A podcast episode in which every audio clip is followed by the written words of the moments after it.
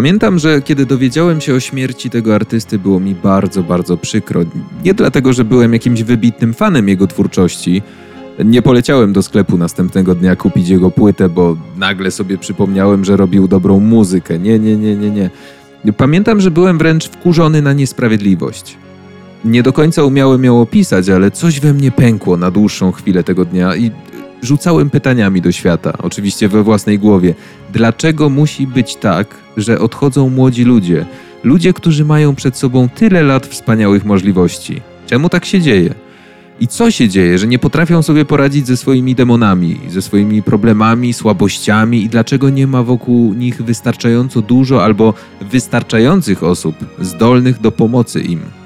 Bo zazwyczaj na samym końcu ci artyści zostają sami, a nas zostawiają z tym, co udało im się dla nas stworzyć. Tylko tyle, albo aż tyle. Poznaj tajemnicze okoliczności śmierci gwiazd. Ostatnie dni legendy. Bardzo żałuję, że nie udało mi się nigdy dotrzeć na koncert Avicii'ego. Jakoś było nam nie po drodze. Ja też nigdy nie słuchałem jakoś y, dużo muzyki tanecznej, EDM, house'u, tak dla własnej przyjemności. Nie jestem wielkim fanem imprez tanecznych. Lubię posłuchać takich kawałków y, jadąc samochodem, kiedy lecą w radiu, ale nigdy nie myślałem o koncercie. A zmieniłem momentalnie zdanie, pamiętam, będąc na koncercie Martina Garrixa. Przetańczyłem wtedy 2,5 godziny, wcale tego nie planując, było doskonale, czułem się świetnie. Od tego momentu strasznie żałuję, że na koncert Avicii'ego właśnie nie dotarłem. Żałuję też z jednego powodu. Czytając o nim jakieś fragmenty życiorysu, bardzo ceniłem go jako producenta i cenię wciąż za to, co zrobił i jak to robił. Oddał muzyce serce, żył nią, była dla niego jak oddychanie. Mieszkał praktycznie w studiu, miał niezliczoną ilość pomysłów na sekundę, Łączył przecież przeróżne gatunki tak naprawdę. Żonglował muzyką, wyciskał z niej to, co najlepsze. Chcieli z nim współpracować najwięksi tej branży, bo on po prostu wiedział, jak to się robi.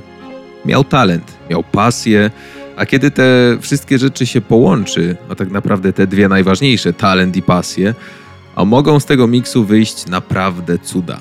Ten podcast ma jednak taką, a nie inną nazwę i nas interesują pytania. Dlaczego?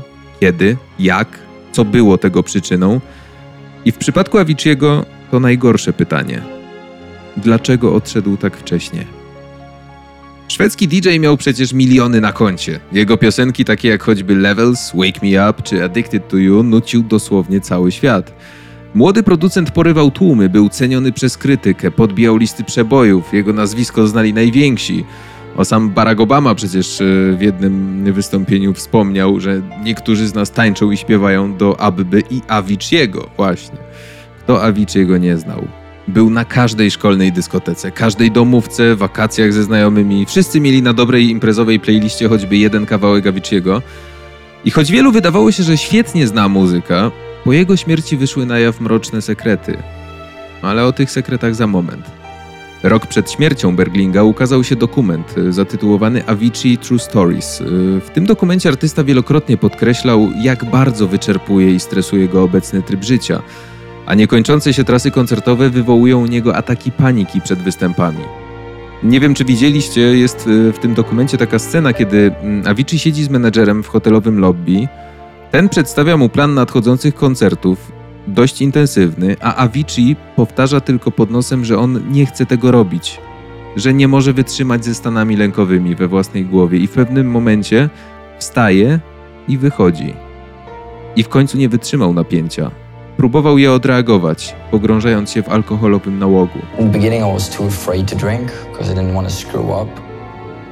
Na początku bałem się picia, bo nie chciałem nawalić, a potem zdałem sobie sprawę, że nie do końca byłem w formie, kiedy nie piłem.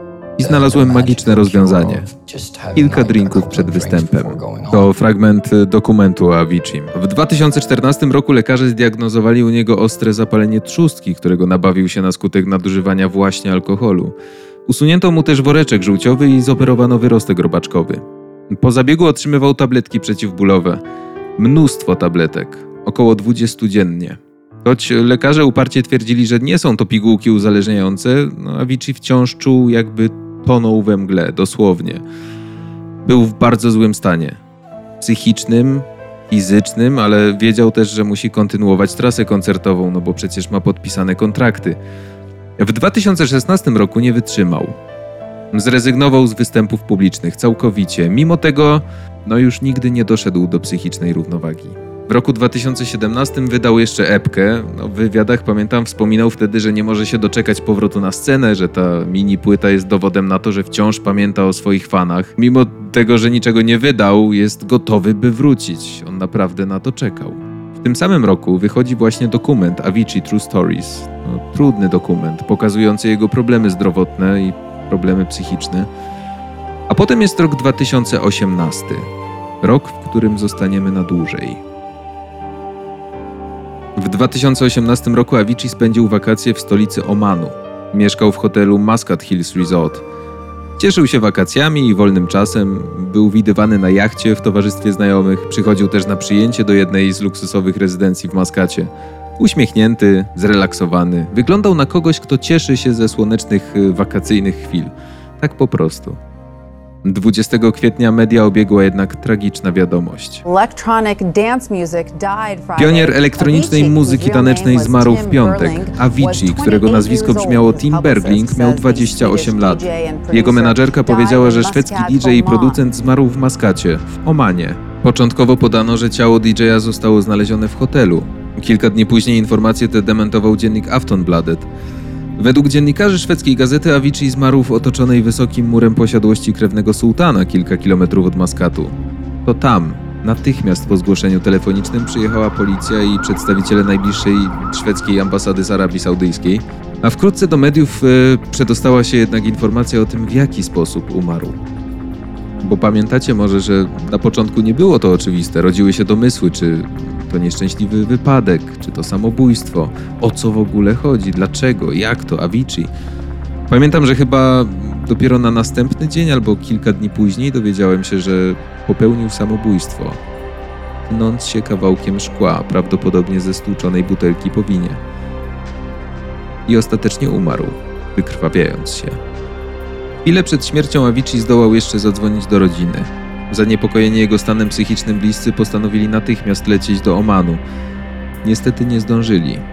Ich samolot wylądował o dwie godziny za późno. Nie wyobrażam sobie tej tragedii, nawet y, nie chcę sobie tego wyobrażać. Sześć dni po śmierci Aviciiego bliscy opublikowali w mediach list otwarty do fanów, y, w którym napisali mniej więcej coś takiego. Był perfekcjonistą. Tempo, w jakim pracował, doprowadziło go do ekstremalnie silnego stresu. Kiedy skończył z koncertami, chciał odnaleźć życiowy balans i zająć się tym, co najbardziej kochał po prostu muzyką. Ale nie dał już dłużej rady. Marzył o spokoju. Pogrzeb Tima Berglinga, znanego światu jako właśnie Avicii, odbył się 10 czerwca, niemal dwa miesiące po samobójczej śmierci. Miał charakter prywatny. Z tego co pamiętam, uczestniczyło w nim raczej ścisłe grono rodziny. Ciało artysty zostało pochowane na położonym w lesie cmentarzu Skogskyrkogarden w Sztokholmie. Na tym samym zresztą cmentarzu mm, spoczywa Greta Garbo. Tam można odnaleźć jej grób. No i jak to zwykle bywa, po śmierci zaczynają wychodzić na jaw różne rzeczy prywatne, nie do końca nadające się, czy też nie do końca potrzebne, by zostały ujawnione. Okazało się bowiem, że mm, Avicii był związany z czeską modelką Terezą Kacerową, wspólnie z którą wychowywał zresztą jej kilkuletniego syna. Nie wiem na ile śledziliście tę historię, ale fani szwedzkiego producenta zarzucali kobiecie, że nie pomogła mu w trudnych chwilach. Kacerowa wydała wtedy oświadczenie – i tutaj cytuję: Piszecie, że wykorzystałam Tima dla sławy i pieniędzy, że popełnił samobójstwo, bo miał mnie dość. To najgorszy moment mojego życia. Wstydźcie się tego, jak okrutni jesteście. Nie macie nawet prawa nazywać go po imieniu. Dla was to był Avicii. Dla mnie po prostu Tim. Zostawmy jednak te prywatne sprawy. Aviciiego żegnali fani na całym świecie, ale też żegnały go największe muzyczne gwiazdy. Rita Ora, która nagrała z tragicznie zmarłym producentem jego ostatni utwór Lonely Together, na koncercie poprosiła swoich fanów o minutę ciszy i wygłosiła poruszającą przemowę. Powiedziała wtedy, że będzie mi trudno zaśpiewać następną piosenkę. Oczywiście mówię o niesamowitym Avicii. Wzruszające, bardzo trudne chwile dla jego bliskich, a potem znowu wracamy do rzeczywistości i słuchamy jakichś wydumanych historii na temat powodów śmierci, które wymyślają ludzie, no chyba szukający kontrowersji i tyle. Jedna z historii mm, i teorii spiskowych na temat jego śmierci głosi, że muzyk został zamordowany z powodu swojej wiedzy o siatce pedofilii, którą starał się zdemaskować e, w teledyskach, na przykład do For a Better Day. Na końcu tego klipu widać powieszonego mężczyznę z napisem pedofil. Siatka pedofilii. Naprawdę? No prędzej uwierzyłbym w to, że Elvis żyje i jeszcze dwa lata temu kamery uchwyciły niby Elvisa podlewającego swój ogródek, niż w to, że Aviciiego zabiła siatka pedofilii. Swoją drogą, jeśli jeszcze nie słuchaliście odcinka o Elvisie, no gorąco zachęcam, podcast Ostatnie Dni Legendy. Ale dziś Avicii. Avicii, który zostawił po sobie majątek w wysokości około 230 milionów szwedzkich koron, to jest jakieś 100 milionów złotych. Yy, majątek, który odziedziczyli jego rodzice. Klas Bergling i Anki Liden wyrazili też zgodę na pośmiertne wydanie albumu syna, do którego materiał był skończony w 85%. Nazwali go po prostu Team. Pierwszy singiel z tej płyty nosi wymowny tytuł SOS. Utwór zaczyna się od słów Czy mnie słyszysz? SOS. Pomóż mi uspokoić umysł. Dwa razy byłem czysty, teraz znów jestem zdołowany. Pół kilo zioła i torebka proszku. Było to ostatnie wołanie Tima Berglinga o pomoc.